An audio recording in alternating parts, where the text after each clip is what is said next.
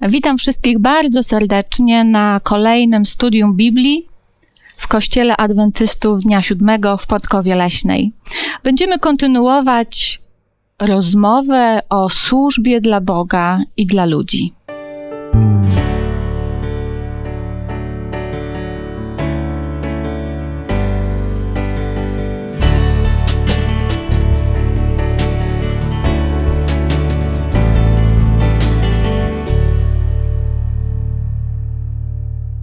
W dyskusji razem ze mną będą brać udział Ania, Janusz, a ja mam na imię Małgorzata.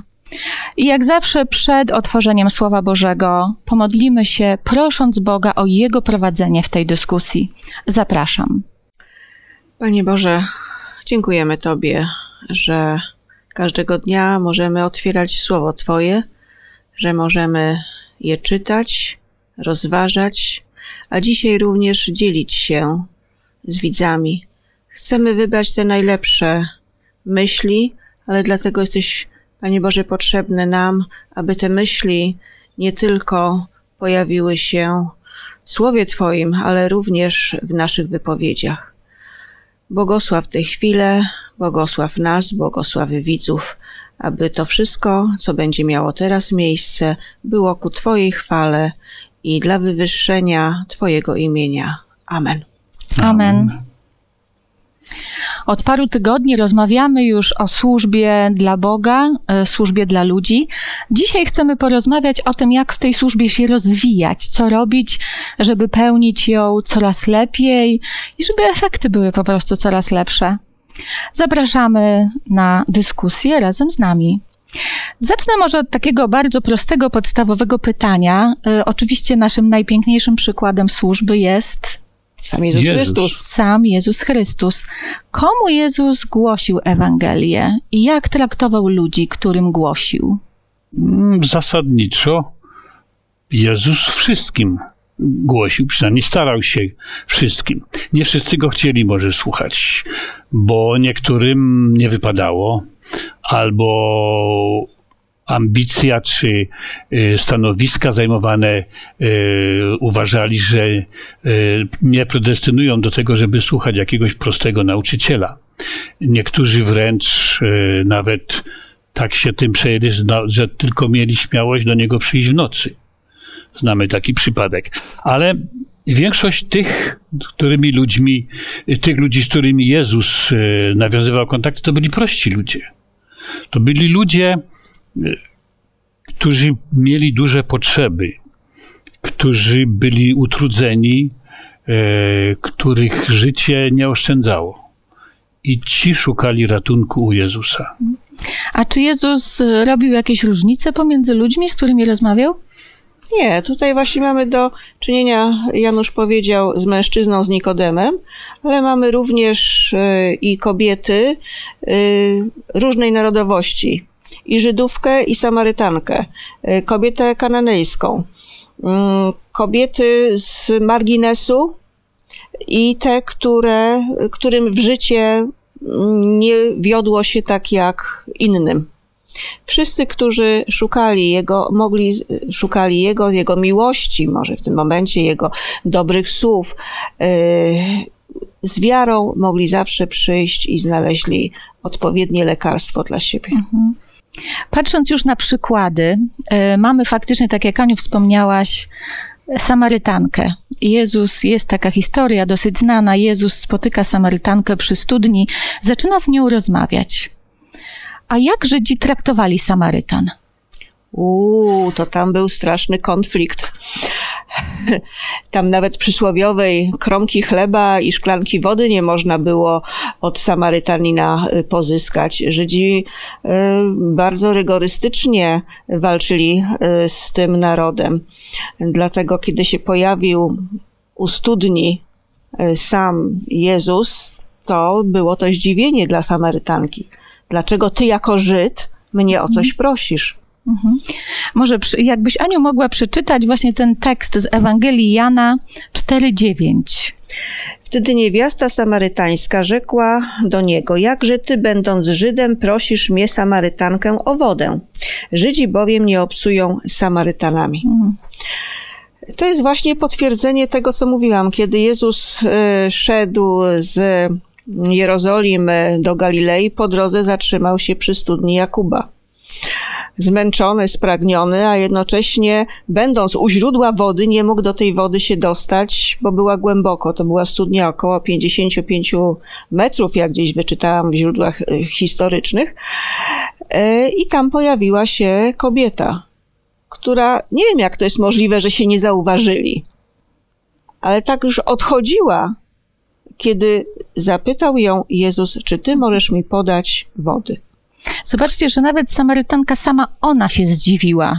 Tak naprawdę y, ja nie widziałam w tej jej reakcji takiej, takiej radości, o, o, zaszczycił mnie rozmową, tylko bardziej, bardziej zdziwienie. Ty, będąc Żydem, rozmawiasz ze mną. Y, tu są dwie rzeczy, Samarytanka i jeszcze kobieta. Mhm. A jak z kolei zareagowali uczniowie, jak tam podeszli? Nawiązując do tego, jak mogła go nie zauważyć w samo południe, w tamtym klimacie, pewnie Jezus skorzystał z jakiegoś cienia, który był tam koło tej studni, a sama studnia była w centrum, pewnie w słońcu, więc y, mogła go nie zauważyć, albo przynajmniej na pewno udawała, że nie zauważa, bo nie chciała tam nikogo spotkać. A uczniowie byli równie zaskoczeni jak ta Samarytanka, albo jeszcze gorzej, jak ty z nią rozmawiasz i skąd masz wodę i, i, i, i nie chcesz jeść, bo jak Jezus powiedział, że już y, jakby nie był głodny, z tego wynikało, że, że się najadł, skąd? Jak? Myśmy poszli po prowiant, a on nagle jest najedzony. Mhm.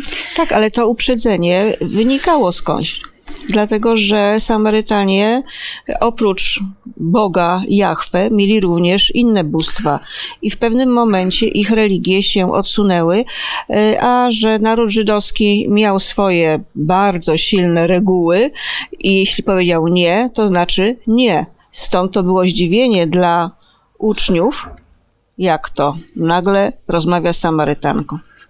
Zaszłości historyczne tu były bardzo, mm, bardzo głębokie te podziały i y, one w tym momencie, kiedy Żydzi ustabilizowali swoją narodowość, y, Żydzi w ogóle y, ustabilizowali i zachowali swoją odrębność narodowościową przez to, że bardzo mocno dbali o to, żeby się nie mieszać z innymi nacjami, z innymi narodami.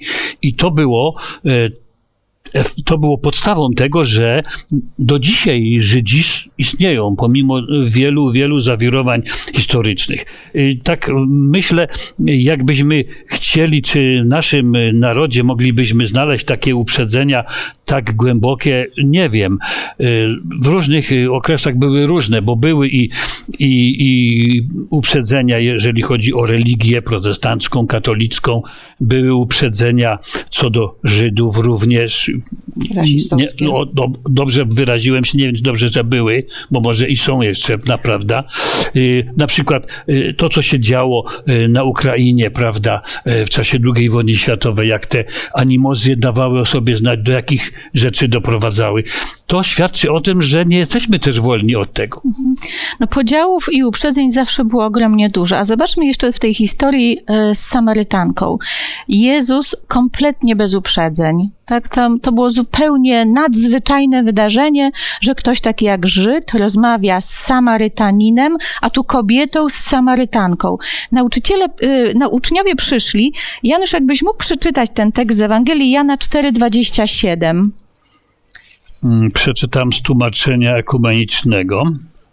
Wówczas przyszli jego uczniowie i dziwili się, że rozmawia z kobietą. Nikt jednak nie zapytał, czego chcesz od niej lub dlaczego z nią rozmawiasz. Zobaczcie, że tutaj, no nie wiem, jeżeli Jezus z kimś rozmawiał, to mogłoby im przyjść do głowy, na pewno głosi Ewangelię Przyłączmy się do tego.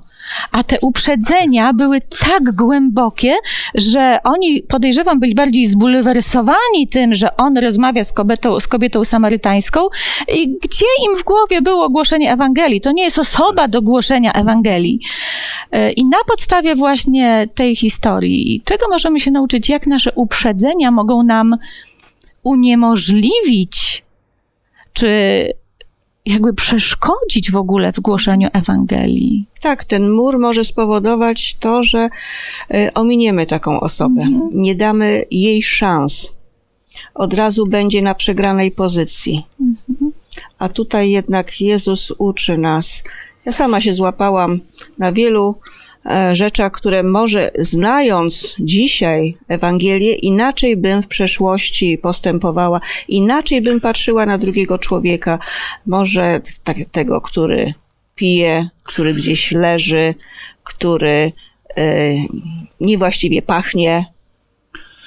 Ale w tym wszystkim jest tragiczne to, myślę, że my potrafimy znaleźć uzasadnienie czegoś takiego, że kogoś ominiemy albo kogoś nie zauważymy.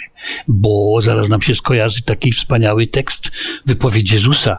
Nie rzuca się pereł przed świnie. Prawda? I jesteśmy usprawiedliwieni. No, tylko najpierw trzeba, y, no nam się świnie to, jest... to bardzo negatywnie kojarzą. Tak. Ja bym powiedziała, y, użyłabym może tej historii, kiedy Jezus mówi, jeżeli ktoś was nie przyjmuje, po prostu odejdźcie z tego miejsca. Czyli y, no trochę to może zabrzmi bardzo kategorycznie, ale nie marnuj czasu na głoszenie Ewangelii wśród ludzi, którzy cię absolutnie nie chcą, którzy mówią idź stąd, nie chcemy cię słuchać. I faktycznie, bo tyle jest osób potrzebujących na tym świecie, że trzeba iść tam, gdzie ta Ewangelia będzie słuchana. E, ale dla mnie nauka z tej historii jest, żeby nie oceniać po pozorach i żebyśmy my sami nie oceniali, kto chce nas słuchać, kto nie chce, z góry, zanim zaczniemy mówić. I żeby nie klasyfikować ludzi na takich, którym warto głosić Ewangelię, albo nie warto. To bo niektóre na przykład e, denominacje religijne uważamy, że nie warto mówić, prawda? Szkoda czasu naszego, szkoda siły, bo i tak oni mają swoje tak zakorzenione, tak zasklepione, że już tam nic tego nie przebije a gdzieś próbować zawsze warto. Oczywiście, jeżeli ktoś wielokrotnie nas odrzuca, no to idźmy dalej, e, nie marnujmy czasu, zostawmy też Duchowi Świętemu pracę. Jeżeli ta osoba w, te, w pewnym momencie szczerze otworzy serce na głos Boga, to się zadzieje. Ale tak było potem dalej z Samarytanami. W momencie, kiedy uczniowie przyszli, Filip czy Jan, mhm. Piotr, dalej mi mogli już głosić, bo oni byli otwarci. No, Jezus nauczył nas i dał nam te podstawy i te pierwsze kroki. Uczniowie tą lekcję odrobili. Uczniowie kompletnie zmienili swoje podejście do pogan, do osób narodowości innej niż izraelskiej.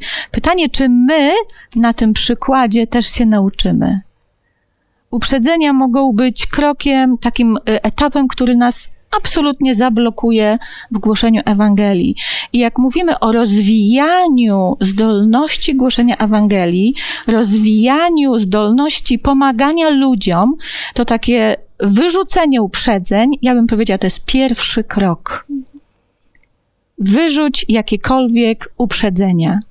Tak, my ludzi oceniamy tylko właściwie po wyglądzie, natomiast nie znamy ich serc, nie znamy ich ducha, i dopiero e, dużą pracę może wykonać Duch Święty wśród tych osób. Mhm. Ale przyjaźń nasza nie powinna się nigdy kończyć tylko na e, okazywaniu mm, sympatii, ale za tym powinno iść coś więcej. To Słowo Boże powinno być jako taka perełka zostawiona w każdej rozmowie. Mhm. Ania, wypowiedziałaś właśnie to słowo klucz, przyjaźń. I po tym pierwszym kroku, czyli odrzuceniu uprzedzeń, ja bym powiedziała, że jest kolejny, czyli nasze nastawienie do drugiego człowieka, nasza postawa. I wyobraźmy sobie dwie zupełnie skrajne postawy: wrogość i przyjaźń.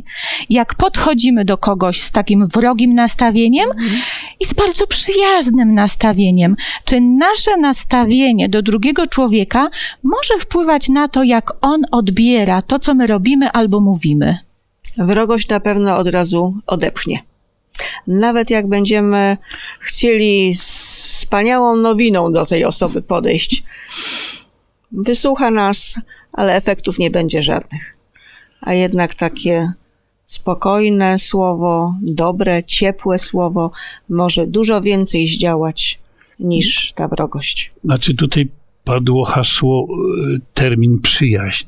Y, Przyjaźń to, to jest, by, bym powiedział, w skali jakichś tam powiedzmy ocen, czy, czy w stopniu bardzo wysokie. Bardzo wysokie zaangażowanie musi się tym pokrywać. Przyjaźń to nie znaczy, że to jest, że ja mówię, że jestem twoim przyjacielem. To nie jest takie tylko hasło rzucone. To musi być coś, co faktycznie y, nie jest moją deklaracją, ale jest efektem mojego postępowania. I ktoś to musi zauważyć, ktoś to musi docenić. A to nie jest tylko to, że ja mówię, że ja chcę być przyjacielem, ale ja muszę to pokazać w jakiś sposób. I nie jest to wcale takie proste. Nie jest to proste e, w takich sytuacjach różnych, kiedy e, spotykamy się właśnie z wrogością albo z niedowierzaniem z drugiej strony i stać się dla takiej osoby przyjacielem. E, To czasem wychodzi się tak jakby na głupiego, powiedziałbym, bo ktoś mnie upokarza, ktoś mnie rani, a ja otwieram mu serce i staram się być jego przyjacielem. Ale, ale taki był nasz, nasz Pan. No właśnie, a jak nas y, traktuje Bóg? Może Aniu, jakbyś mogła przeczytać tekst z Ewangelii Jana, 15 rozdział i 15 werset. Już was nie nazywam sługami, bo sługa nie wie, co czyni Pan jego, lecz nazywam was przyjaciółmi, bo wszystko, co słyszałem od Ojca mojego, oznajmiłem wam. To właśnie to tworzenie więzi. Więzi przyjaźni, przekazywania dobrej nowiny, w takim duchu łagodności. szczerość tu się mi nasuwa. I tu, i tu się mi zaraz kojarzy w tej chwili e, Dawid i Jonatan. I ojciec Jonatana. Mhm. Wszystko, co usłyszał od niego, to powiedział Dawidowi. Nawet złe rzeczy, prawda? Których nie chciał ojciec, żeby usłyszał. Oczywiście tutaj nie takie relacje są między Bogiem a Jezusem, jak między Jonatanem a Saulem, ale mm, ta przyjaźń tych dwóch ludzi, tych dwóch młodzieńców, to coś naprawdę chyba jest wzorcowego. Ale wracając jeszcze do tego tekstu, który Ania przeczytała, Jezus nazywa swoich uczniów przyjaciółmi. Ja wierzę, że i mnie Jezus przez ten tekst nazywa przyjacielem.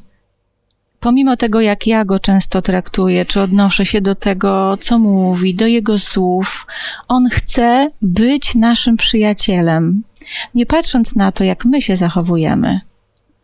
I teraz, czy my, czerpiąc przykład z Jezusa, możemy chociaż próbować być przyjaciółmi dla wszystkich ludzi bez względu na to, jak oni nas traktują albo jacy są wobec nas? Na pewno mamy dużo znajomych, prawda? Ale czy wśród tych znajomych możemy powiedzieć, mam prawdziwych przyjaciół? Przyjaciół się poznaje w biedzie, prawda? I to chyba jest zawsze aktualne. Dopóki nie znajdziemy się w biedzie, to nie będziemy wiedzieć, że oni są naszymi przyjaciółmi. I obyś, Panie Boże, nie sprowadzał na nas tej biedy. Wolimy nie wiedzieć, a mieć się dobrze. Ale to w drugą stronę, czy ty jesteś przyjacielem dla kogoś? Dokładnie. Czy ta No, ale nie służba... życzymy nikomu biedy też. No, ale komu Jezus służył, komu pomagał? Tym nam bardziej, najbardziej potrzebującym w różny sposób. To były potrzeby fizyczne, duchowe, emocjonalne. My takich ludzi mamy wokół siebie. Ja się obracam przeważnie wśród ludzi dosyć bogatych. To są ludzie, którzy pracują w korporacjach, zajmują dosyć wysokie stanowiska. Oni nie klepią biedy. No chyba, że się zadłużą niemądrze, to wtedy tak. Ale przynajmniej pozornie biedy nie klepią. Ale mają ogromne problemy emocjonalne, problemy ze stresem, z presją, z odpowiedzialnością za to, co robią, z czasem, którym nie potrafią rozdysponować w odpowiedni sposób. Emocjonalnie czasami to jak ja patrzę, to są wraki ludzi niemalże. Im trzeba pomóc, przynieść taki spokój, uśmiech. Różne są potrzeby, ale trzeba się jednak wczuć w tą drugą osobę w potrzebę i podejść do nich jak do przyjaciół. Czyli bieda to nie znaczy, że jest brak środków na koncie. To zupełnie coś innego może znaczyć we współczesnym świecie, prawda? Mhm. Dzisiaj dużo ludzi jest właśnie samotnych. Nie ma, nie mają przyjaciół, nie mają jakiegoś y, kogoś, komu by się mogli zwierzyć, na kogo by mogli liczyć w trudnych chwilach. I to jest chyba zasadnicza sprawa, że żyjemy odizolowani, zamknięci. Yy, na ogół tak żyją ludzie, prawda? Yy, wszystko yy, do tego prowadzi, cała nasza technizacja życia. To, że mamy tysiące znajomych na Facebooku, to wcale nie znaczy, że mamy naprawdę przyjaciela, jednego chociaż. Mhm. Jezus dał nam jeszcze taki piękny przykład, bo nam się kojarzy przyjaźń z taką długotrwałą, z długotrwałą relacją. Musimy kogoś bardzo dobrze znać, zaufać mu, y, poznać się w biedzie, prawda? A Jezus tak naprawdę pokazał, może przyjaźń to jest y, inaczej zupełnie pojmujemy, ale pokazał prawdziwą taką miłość do drugiego człowieka i empatię w wielu przykładach, a chciałam zwrócić uwagę na dwa.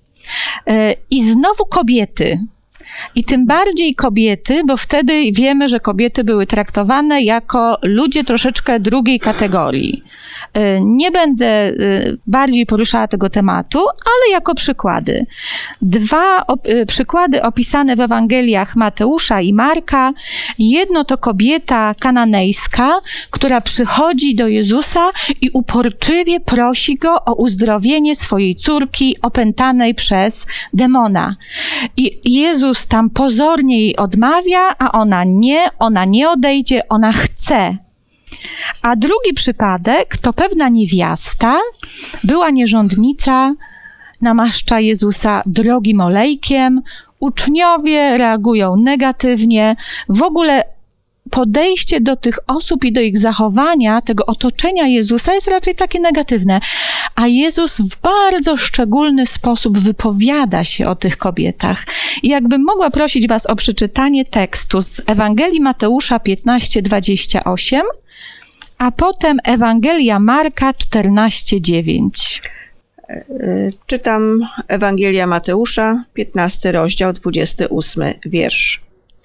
Wtedy Jezus odpowiadając rzekł do niej, niewiasto, wielka jest wiara Twoja, niechaj Ci się stanie jak chcesz i uleczona została jej córka od tej godziny. Mhm. Drugi tekst Ewangelii według świętego Marka 14:9. Zapewniam was, że gdziekolwiek na świecie będzie głoszona Ewangelia, będzie się również opowiadać o tym, co zrobiła ta kobieta, aby o niej pamiętać. Ja tutaj takie mam jedno spostrzeżenie. Jezus miał coś takiego, że potrafił odczytać, nie wiem z czego, z wyrazu twarzy, z niepewności, czy, czy z rodzaju zachowania, co w człowieku siedzi, co go dręczy. I myślę, to właśnie jest chyba podstawowym sednem tej naszego studium dzisiejszego. Tytuł jest Rozwijanie zdolności pozyskiwania ludzi, czyli rozwijanie zdolności yy, obserwowania ludzi, odczytywania ich potrzeb z tego, co widzimy czy ewentualnie słyszymy. Żeby umieć tego człowieka, no to są pewnie jakieś psychologiczne e, umiejętności. Nie każdy to umie, bo my najczęściej osądzamy człowieka po jego wyglądzie, czy ładnie ubrany, czy nieładnie, a Jezus coś, czegoś więcej potrafił do, dosięgnąć. Mhm. Tak, to te oczy Jezusa zobaczyły wytrwałość u tej kobiety tak. i nazywaj jej wiarę wielką. Mhm i skruchę tamtej drugiej, prawda? I jej prawdziwą pokorę, nawrócenie w tym, co ona chciała zrobić dla niego, y, nie patrząc na koszty, na, na konsekwencje, bo trafiła oddać to, co miała najdroższego. Zobaczcie, jaka to jest różnica pomiędzy oczami ludzkimi a oczami bożymi. Człowiek widzi kobietę upadłą, pogańską. W naszych czasach można by powiedzieć człowiek, który ma inne poglądy polityczne, człowiek, który ma inne, y, w co innego wierzy, albo człowiek biedny, gdzieś tam y, bezdomny na ulicy, chory, narkoman, alkoholik. A Boże oczy widzą pokorę, potrzebę, Widzą człowieka. widzą człowieka. I to jest, Janusz, dokładnie to, co mówisz. To jest podstawa tej lekcji. Czasami myślimy, jak nie wiemy, jak głosić Ewangelię, e, my wyobrażamy sobie, no to jakieś może szkolenia, techniki, prezentacje, a ta lekcja nas uczy i te przykłady, jak Jezus podchodził do ludzi, że ta postawa wobec ludzi, ta taka prawdziwa empatia, pozbycie się tych uprzedzeń, nastawienie z miłością do drugiego człowieka bez względu na to, kim jest, bez oceniania po pozorach. To jest ta lekcja, którą nam Jezus daje, potem i uczniowie. Bo w dziejach apostolskich mamy wiele historii, gdzie uczniowie też od Jezusa nauczyli się traktować tak widzieli, ludzi. czego ci potrzeba. Dokładnie. I tego Jezus chce nas nauczyć. To jest ta podstawa, jak innym nieść Ewangelię jak pomagać. Jezus traktował wszystkich raczej w podobny sposób, mimo że nie otrzymywał takiej samej zapłaty, czyli dawał coś, czego nie mógł oczekiwać w odpowiedzi. Prawda? No, i to też jest taki przykład dla nas. Jeżeli nawet nie zawsze ktoś ci podziękuje, rób to, do czego Chrystus powołał. Do czego, co ci wskazał? W jaki sposób masz traktować drugiego człowieka? Nieobojętnie. Nie przechodź obojętnie. Kolejny taki temat, e, bardzo często mówi się, że powinniśmy głosić Ewangelię w duchu miłości. Już częściowo o tym rozmawialiśmy, ale jak pomyślicie sobie tak konkretnie, jakbyście chcieli komuś wytłumaczyć, kogoś nauczyć, co to znaczy głosić Ewangelię w duchu miłości? Taki przykład dla mnie chyba e, bardzo wyraźny. E, opowiadać mu, opowiadać mu i patrzeć, aż on z głodu padnie. Jezus potrafił zauważyć, że jego słuchacze są głodni, że potrzeba im czegoś, e, czegoś bardzo prozaicznego, kawałka chleba, prawda? E, można mówić o wysokich, wspaniałych ideach, ale jak człowiekowi burczy w brzuchu, jak człowiek jest niewyspany albo z zimna się trzęsie, bo, bo nie ma się czym okryć, to nie bardzo potrafi się skupić na tym, co ja mu mówię. Piękne. No jak, jak to by, jakie by to nie były piękne idee, idee, które będę głosił. A jakby ktoś się ciebie zapytał cechy, które kojarzą się z miłością i właśnie z tym głoszeniem Ewangelii w duchu miłości, to człowiek jakie powinien mieć cechy, żeby móc faktycznie, tak jak ty mówisz, zauważać te potrzeby? I żeby ta nasza służba dla człowieka, czy to głoszenie, czy pomaganie, faktycznie kojarzyło się ze służbą miłości. Czyli odpowiedź na potrzeby, Mhm. to będzie jedna rzecz. E, Dobrze jest, jak coś przeżyje sam. E, W naszym pokoleniu, w moim pokoleniu, mało kto zaznał prawdziwego głodu. W pokoleniu naszych ojców, moich przynajmniej, to było dosyć typowe.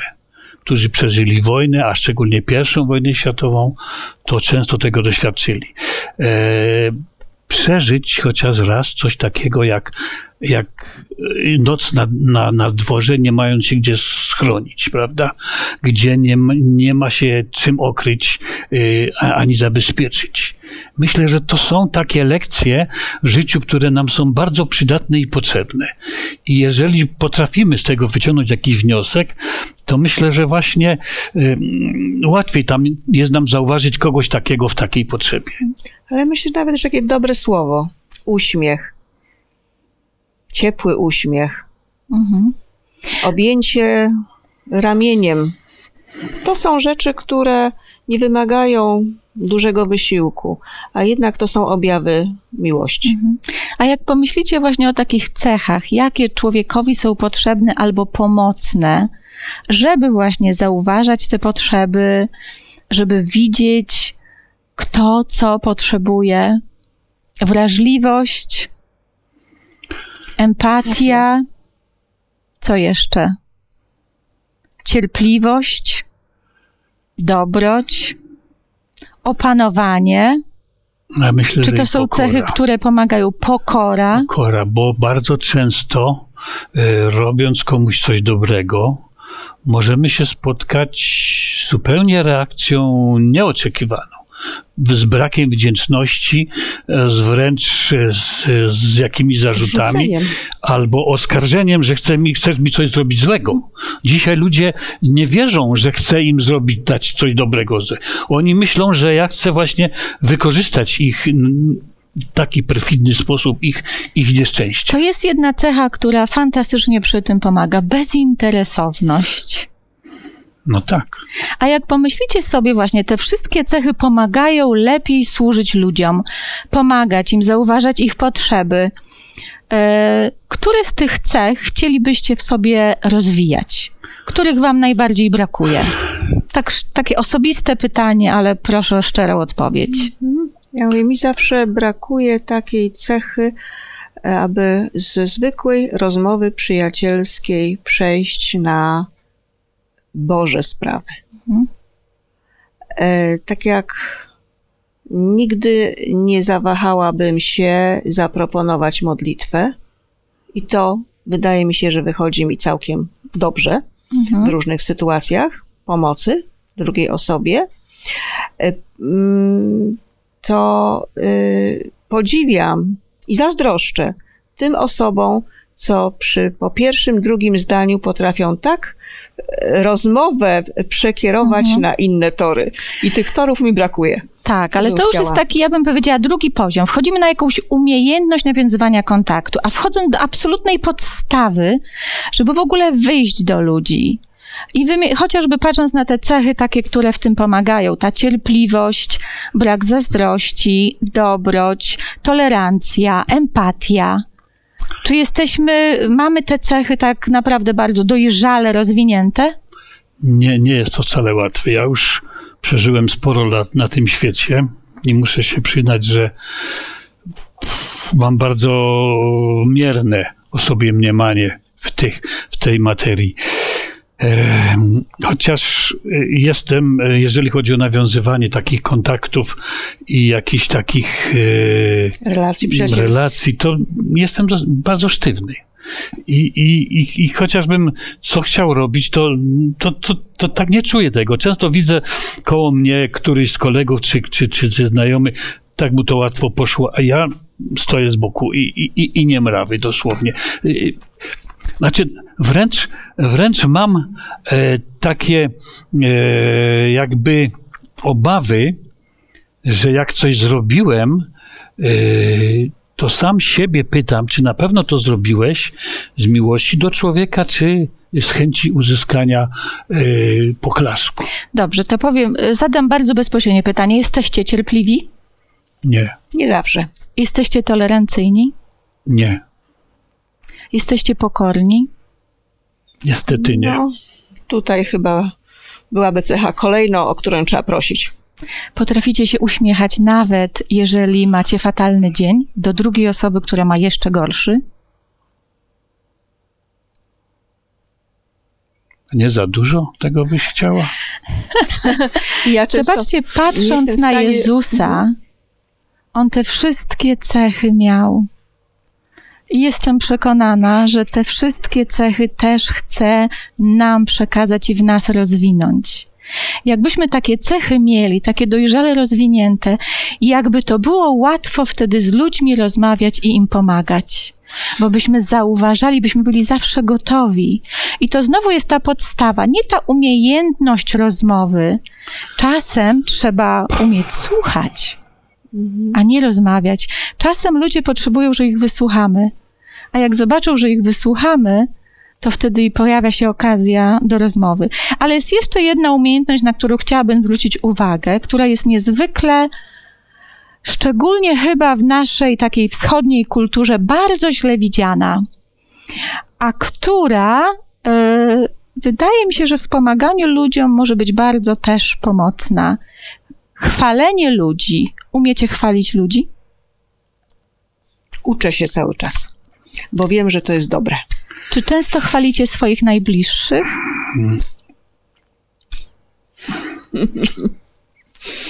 Mój mąż, kiedy go pochwaliłam, że było dobre kazanie, to był, mówi, wiesz co, w Twoich ustach usłyszeć taką pochwałę to jest bardzo dużo, bo jesteś, jesteś osobą, która rzadko chwali.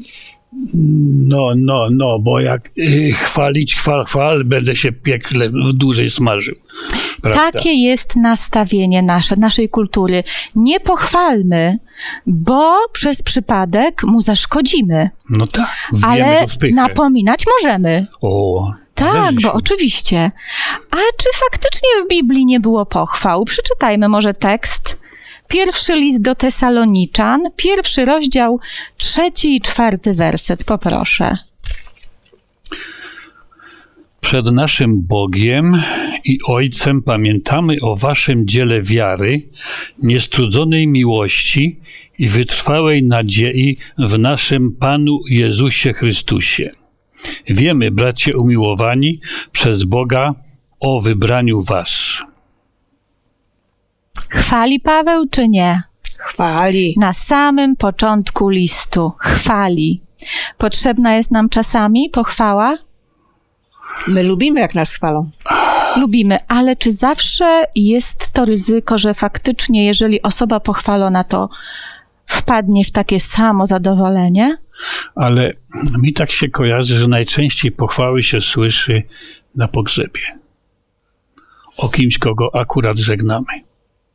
Trochę późno, prawda? No. Ale wtedy już przynajmniej mu to nie zaszkodzi. ale wcześniej mogłoby pomóc. Czasami dosyć selektywnie podchodzimy do tego, co Biblia uczy. Paweł chwalił. I to nie jest jedyny y, taki obraz chwalenia. Wcześniej te dwie historie, które czytaliśmy, te dwa zdania z kobietą kananejską i właśnie z tą kobietą, która namaściła Jezusa, to były piękne pochwały. Pochwała wiary i pochwała poświęcenia. Jezus pochwalił. Jezus pochwalił te kobiety w towarzystwie osób, które nie dość, żeby w życiu nie pochwaliły tych kobiet, to jeszcze najchętniej by ich wygoniły. A Jezus pochwalił. Są pochwały, które mogą budować. I o tym też pamiętajmy. I umiejętność chwalenia jest niezwykle ważna, żeby nie pochwalać fałszywie, żeby nie pochwalać, nie wiem, przymilając się komuś, tylko jeżeli widzimy piękną pracę dla Boga, albo jakiś wysiłek osoby, albo coś się osobie udało zrobić, warto pochwalić. Ta osoba często spragniona jest pochwały nie dlatego, że nie jest pokorna, tylko dlatego, że jest załamana, że czuje się samotna, że jest ciągle jej źle wychodzi. Są i takie osoby wokół nas. I myślę, że Jezus też to widział. I Jezus też nie chwalił bez potrzeby. Jezus widział te osoby, które właśnie tej pochwały potrzebują, wiedząc, że ta pochwała przyprowadzi te osoby do Boga, nie oddali je od Boga. I to też jest wspaniała umiejętność, którą możemy prosić Boga, żeby w nas rozwijał. Ale jest w drugą stronę, bo powinniśmy chwalić, ale czasem musimy napominać. Czasem w tej naszej służbie pomagania ludziom możemy pomóc przez zwrócenie uwagi, przez wręcz, yy, no w. Biblii nawet jest powiedziane nagane.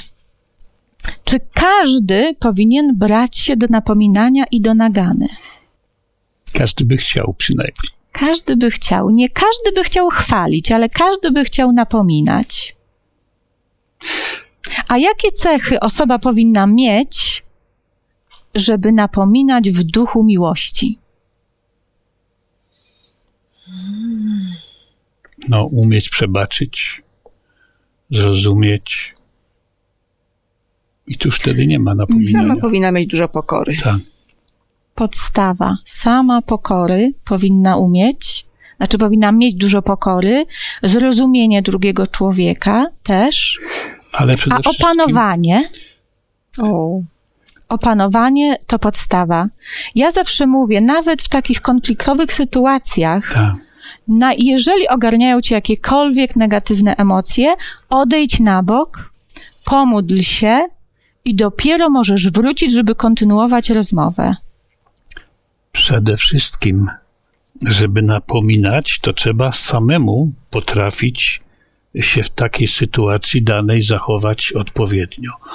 Zrobić coś dobrze, yy, umieć coś powiedzieć i tak dalej. Yy, a na, najłatwiej się karci drugiego, samemu tego nie robiąc. To na przykład y, bardzo jest zauważalne, jeżeli chodzi o napominanie dzieci, prawda?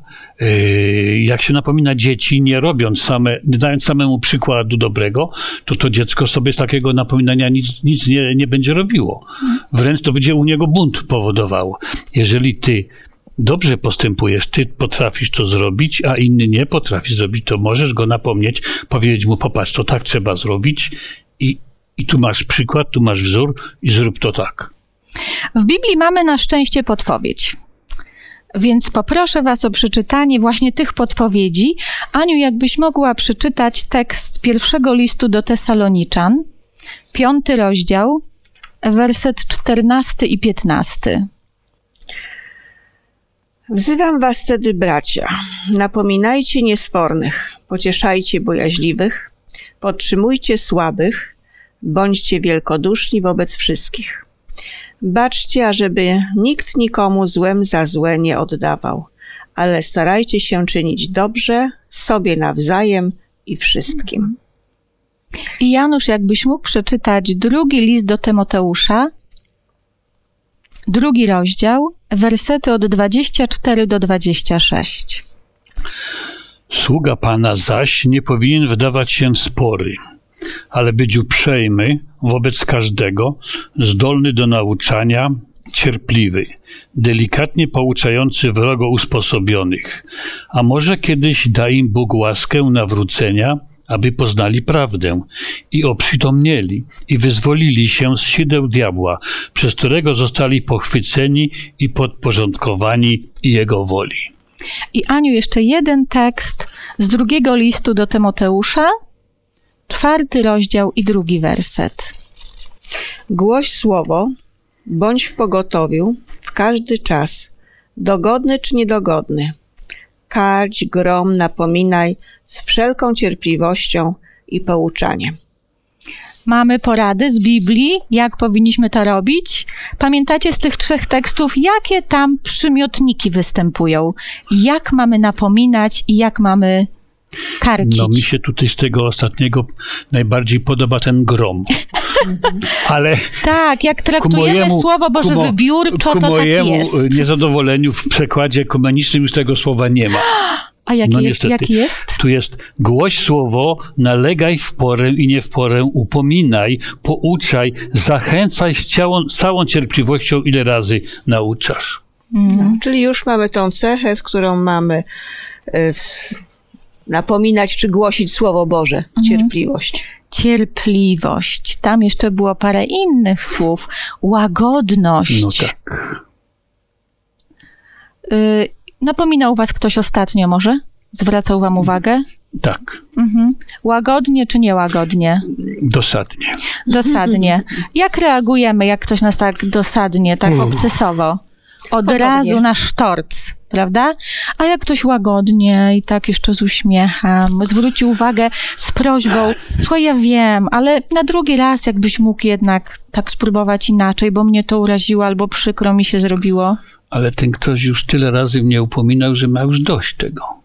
Dlatego, dla, jakie tu, jaka tu jest cecha potrzebna? Cierpliwość. Nie każdy ma dar napominania. Ja bym powiedziała tak: nie jesteś cierpliwy, nie potrafisz być łagodny, nie bierz się za upominanie. Wróć do Jezusa, poproś go w modlitwie, żeby cię nauczył tej cierpliwości i łagodności, i dopiero bierz się za napominanie. To taka pra- prawidłowa kolejność, wam się wydaje? Mm, tak. Kiedyś czytałam takie opracowanie psychologa, który powiedział, y, artykuł był o wychowywaniu dzieci i między innymi właśnie o krzykach. I on powiedział bardzo ciekawą rzecz. Jak krzyczysz na dziecko, to dziecko nie słyszy słów, słyszy podniesiony głos. I to jest dokładnie to, jak my nieumiejętnie, bez tych bożych cech, zwracamy uwagę. Wiecie, co mnie często zaskakuje? Jezus, ja znam tylko jeden przypadek w Ewangeliach, gdzie Jezus faktycznie się uniósł Krzyknął i rzucił. i krzyknął. Pamiętacie ten przy, przypadek? Świątyni. w świątyni. Jeden na setki przykładów łagodności, cierpliwości, wyrozumiałości, a my, jak napominamy drugiego człowieka, to zawsze się powołujemy na ten przykład, bo Jezus też tam dosadnie i kategorycznie. To był bardzo szczególny przypadek.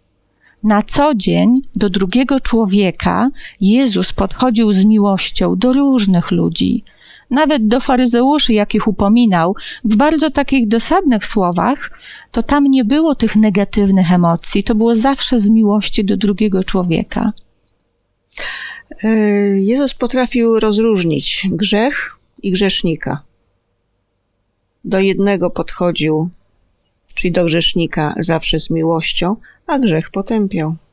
Mieliśmy okazję dzisiaj rozmawiać, podsumowując już, jak służyć innemu człowiekowi, jak rozwijać tą służbę. Najpierw odrzucić uprzedzenia, potem mieć takie przyjacielskie nastawienie do drugiego człowieka, więzi, relacje. Potem mówiliśmy też o tym, że ewangelizacja, głoszenie Ewangelii, pomaganie ludziom powinno być w duchu miłości. Pełne właśnie takiej łagodności, cierpliwości, ale również powinniśmy chwalić, a jeżeli napominać, to też z cierpliwością i z łagodnością. I jak zaczynaliśmy y, to, y, to studium Biblii na temat, jak rozwijać umiejętności pozyskiwania ludzi dla Boga, to mogli, mogli, moglibyśmy się spodziewać, że będziemy rozmawiać tutaj o zaawansowanych technikach komunikacji, na przykład.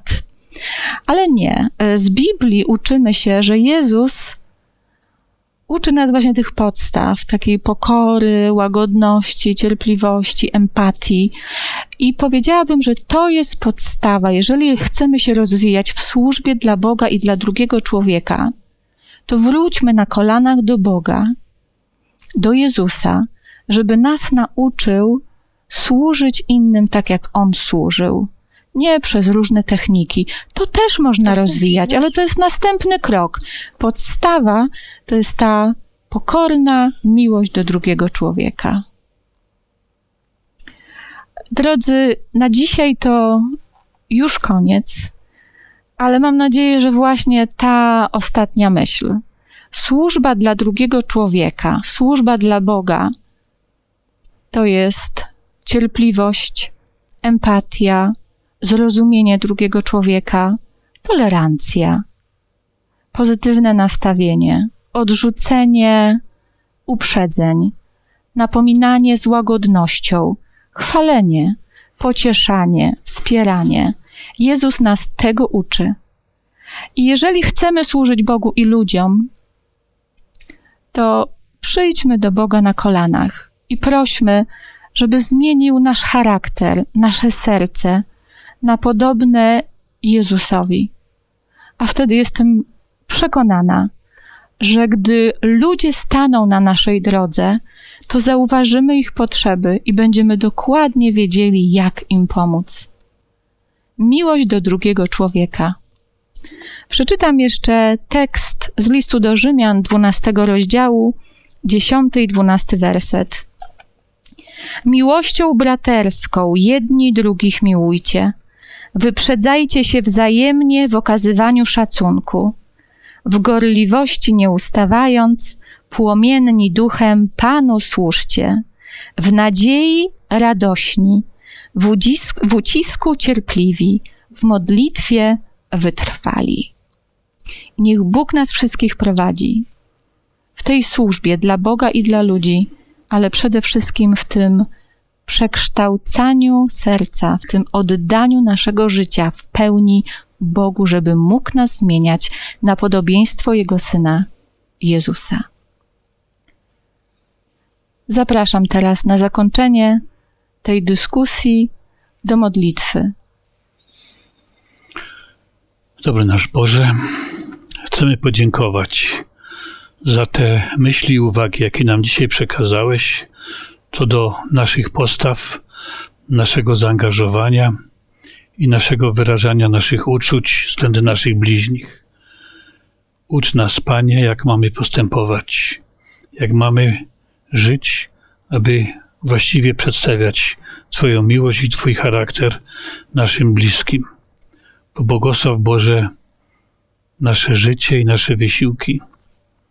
Boże, tak bardzo potrzebujemy Twojego wsparcia i często tak długo się uczymy, a jeszcze niewiele się nauczyliśmy. Boże, Ty jesteś w stanie przyjąć nasze wysiłki i przekształcić je. Pozwól Boże, by każdy z nas mógł być Twoim narzędziem w głoszeniu Ewangelii innym ludziom. Niech to się stanie udziałem każdego z nas. Zapraszamy Ciebie, Boże, do naszych serc i do naszego życia. W imieniu naszego Pana i Zbawiciela Jezusa Chrystusa wysłuchaj naszej prośby. Amen. Amen. To nie koniec rozmów na podstawie Biblii o służbie dla Boga i dla ludzi. Za tydzień już zapraszamy na kolejne studium Biblii w tym temacie pod tytułem Radosne zaangażowanie. Zapraszam serdecznie.